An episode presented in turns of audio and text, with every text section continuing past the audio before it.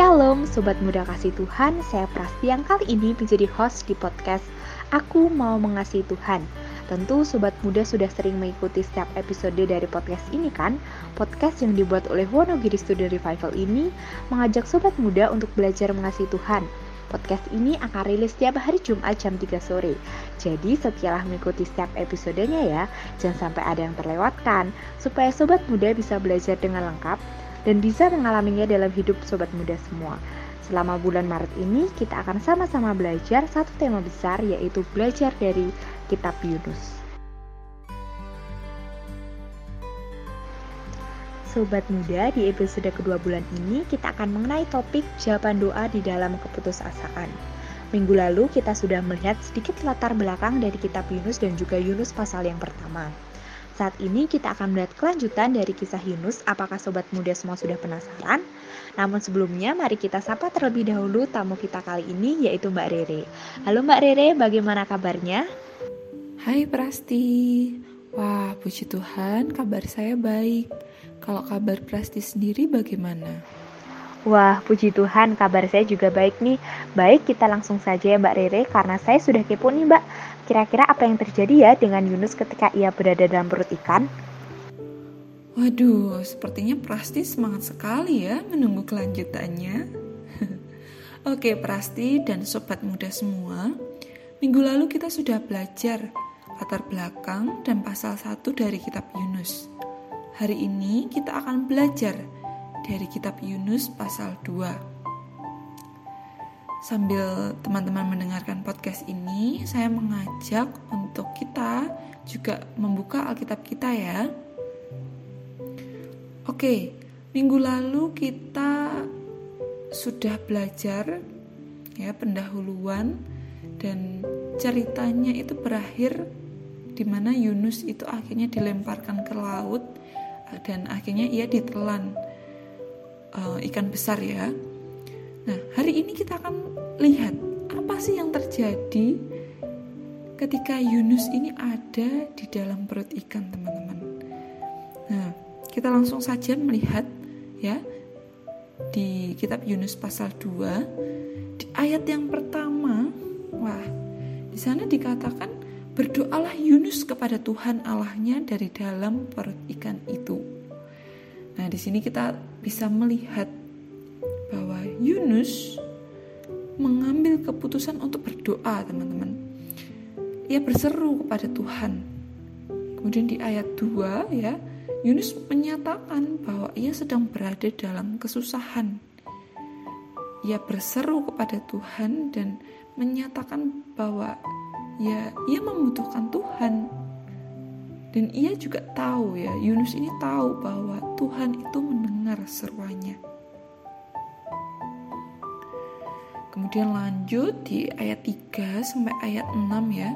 Itu isinya tentang mungkin keluh kesah, curhatan, seruan Yunus tentang kondisi, tentang penderitaan yang ia alami setelah ia dibuang ke laut dan ditelan oleh ikan besar itu. Di ayat yang ketiga, Yunus ini berseru kepada Tuhan, ya mungkin mengeluhkan bagaimana ia dilemparkan Tuhan ke dalam lautan. Nah, kalau bahasanya di ayat 3 ini kan telah kau lemparkan begitu ya yang Yunus katakan. Jadi seolah-olah uh, Tuhanlah yang melemparkan Yunus gitu. Sengaja mengizinkan Yunus dilemparkan ke lautan.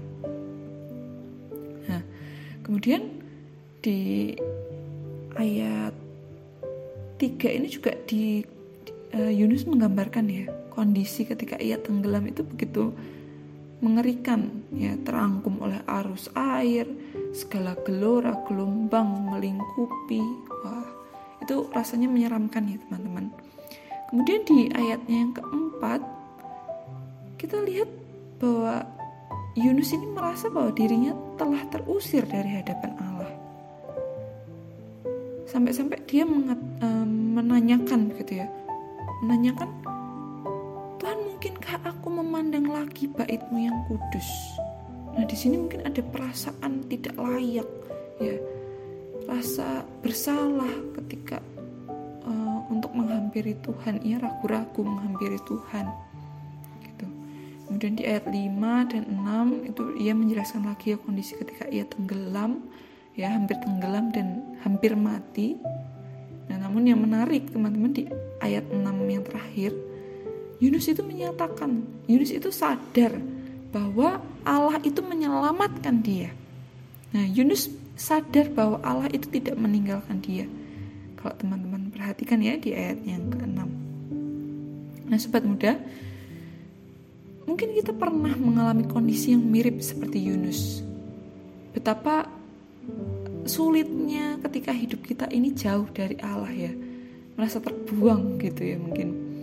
Nah, karena apa sih? Karena ada hal-hal yang kita anggap baik untuk diri kita, ya kayak Yunus menolak ke pergi ke Niniwe ya gitu nah mungkin ada hal yang aduh membuat kita nyaman gitu padahal kita terjebak dalam kenyamanan itu dan hal-hal yang menurut kita baik ternyata itu adalah hal-hal yang membuat kita tidak taat kepada Allah dan membuat kita mengalami banyak kesusahan.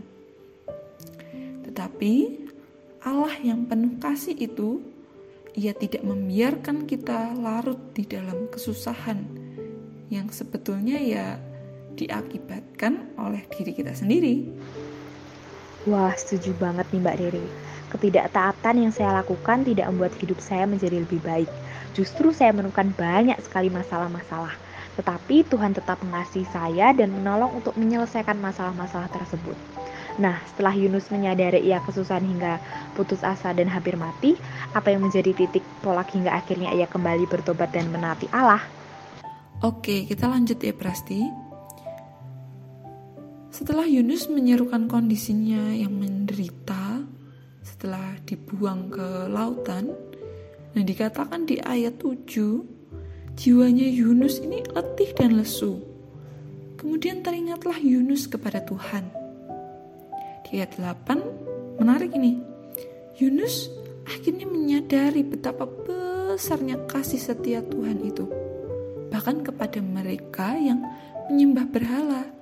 Nah, ini Yunus mulai sadar nih apa maksud Tuhan untuk menyuruh Yunus ke ke Niniwe ya. Nah, karena di sini ada orang-orang yang menyembah berhala. Nah, mungkin ini maksudnya ya orang-orang Niniwe itu Yunus menyadari betapa besar kasih setia Tuhan itu, sehingga Yunus ini tidak lagi larut dalam emosinya. Di ayat yang ke-9, Yunus akhirnya bangkit. Ia mengambil tindakan untuk apa teman-teman? Untuk mengucap syukur. Ya, dikatakan Yunus ini akan mempersembahkan korban bakaran kepada Tuhan sebagai perwujudan ucapan syukurnya dan ia juga mau membayar nazar yang ia nyatakan kepada Tuhan. Yunus meyakini betul bahwa Allah memberikan keselamatan bagi dirinya. Nah, setelah berseru, akhirnya apa yang Tuhan nyatakan, apa yang menjadi respon dari Tuhan? Nah, Tuhan berfirman kepada ikan besar tersebut, untuk memuntahkan Yunus ke daratan.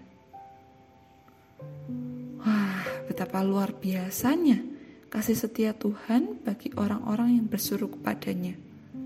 Ya, tidak hanya menyelamatkan tetapi juga memberikan pengajaran yang penting bagi Yunus ya. Pengajaran apa tentang kasih setia Tuhan itu? Luar biasa sekali, teman-teman.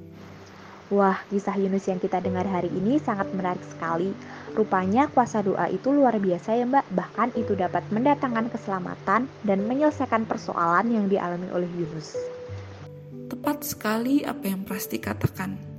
Berseru dan berdoa kepada Tuhan merupakan hal yang penting dalam hidup orang percaya. Tidak hanya ketika kita berada dalam keadaan yang mendesak, dalam keadaan yang tidak enak bagi kita, atau mungkin ketika kita sedang senang saja. Nah, tidak, tetapi pada semua kondisi kita perlu untuk terus bertekun dalam doa. Selain itu, kita juga perlu mensyukuri apa pun kondisi dan keadaan yang kita alami, termasuk ketika Tuhan mengizinkan kita mengalami hal-hal yang itu mungkin nggak menyenangkan untuk kita. Nah, emosi yang ada di dalam diri kita ini juga perlu diwaspadai Jangan sampai kita berlarut-larut ya dalam perasaan atau emosi tersebut. Wah, apalagi sampai marah kepada Tuhan. Itu ada udah sampai di tahap yang tidak baik ya untuk kita. Nah, kita perlu waspada dan perlu menjagai diri kita, perasaan kita, emosi kita. Gitu, teman-teman. Oke, yang terakhir saya mau ajak teman-teman Yuk, kita semua terus tekun berdoa dan bersyukur. Mari kita terus mengejar pertumbuhan kita di dalam Kristus Yesus. Siap Mbak Rere. Nah teman-teman kita diajak dan dikasih challenge nih dari Mbak Rere Yuk kita terus tekun berdoa, bersyukur dan terus bertumbuh di dalam Tuhan Kiranya apa yang telah kita dengar hari ini boleh menjadi berkat bagi kita semua Terima kasih Mbak Rere untuk penjelasannya. Tuhan Yesus memberkati. Ya, terima kasih kembali Prasti. Tuhan memberkati Prasti dan sobat muda semua.